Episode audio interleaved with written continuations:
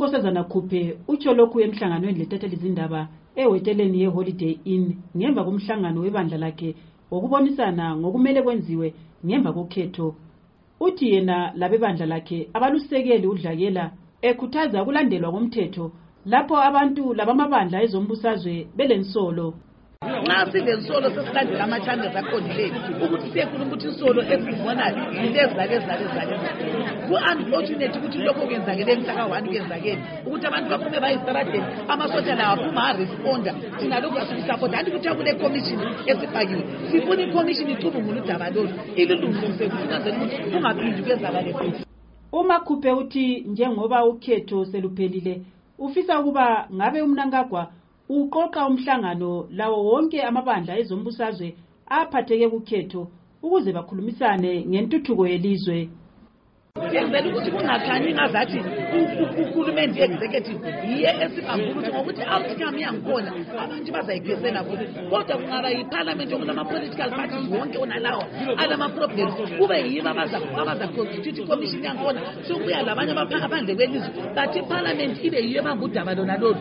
Kuzancedisa ukuthi bonke abantu akade benensolo insolo zabo zizafakwa ndawonye impumela ezaba khona kungakho abantu bonke bengavumelana ngayo but kungaba executive ekwenzayo kuzaba le-problem but kungaba yiphalamenti laba ama-political parties wonke akhona ngilethemba lokuthi abantu bazavumelana bethi ukuthi lokhu yikho kungayizwanga khona sibone ngazathi lokhu yikho kumele ukuthi ngabe kuyayenzeka omunye wabathole isikhundla sokumela uzulu edale lephalamende unkosikazi priscilla misiya irambu imshonga uthi usezoqhubekisela phambili ezinye zezikhalazo ayethe wazisukumisa edale eledlule. Okukhulu into yami engihlala ngikhuluma ngayo i-sanitary wear kumele sibuyele siyekhuluma ngayo. Akusebenzi ukuthi singathi singuhulumende omutsha. Abantwana bethu bengakwanisi ukuya esikolo because abala-sanitary wear secondly kumele sikhangele into le ye-66 bimele iphele kade singo-2018 kodwa upresident elect wayevele evumelane lathi siqandisa ukwenza into zethu zokhuluma njengabomama. Wathi into le uzayi-extenda uzavumelana nathi ukuthi ku-extend so the one thing that i'm going to bring into the house immediately as we open is to push for an amendment for the extension of the court. Uthi uzophakamisa njalo udaba lokutholiswa kwabesifazane amathuba ngokungena kwezombusazwe hatshi ngokukhethwa inkokheli yesilisa ebandleni kodwa bekhethwa ngabanye babo. Wena njengomama kumele ube kubhalota omama bakuvotele wena.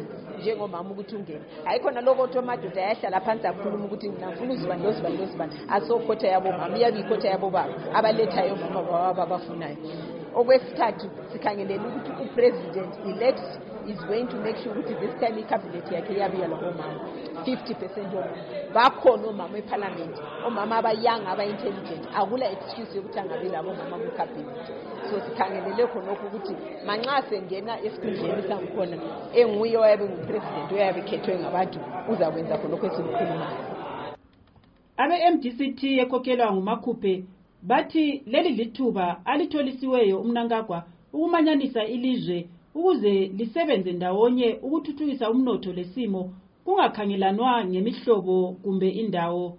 Abezombusazwe kanye laye uzulu uyakhuthazwa ukuba asebenze ndawonye ukuqhubekisela ilizwe phambili hatshi ukube lokhe kudonselanwa. Ngimele istudio 7 ngiseharare ngingumavis gama.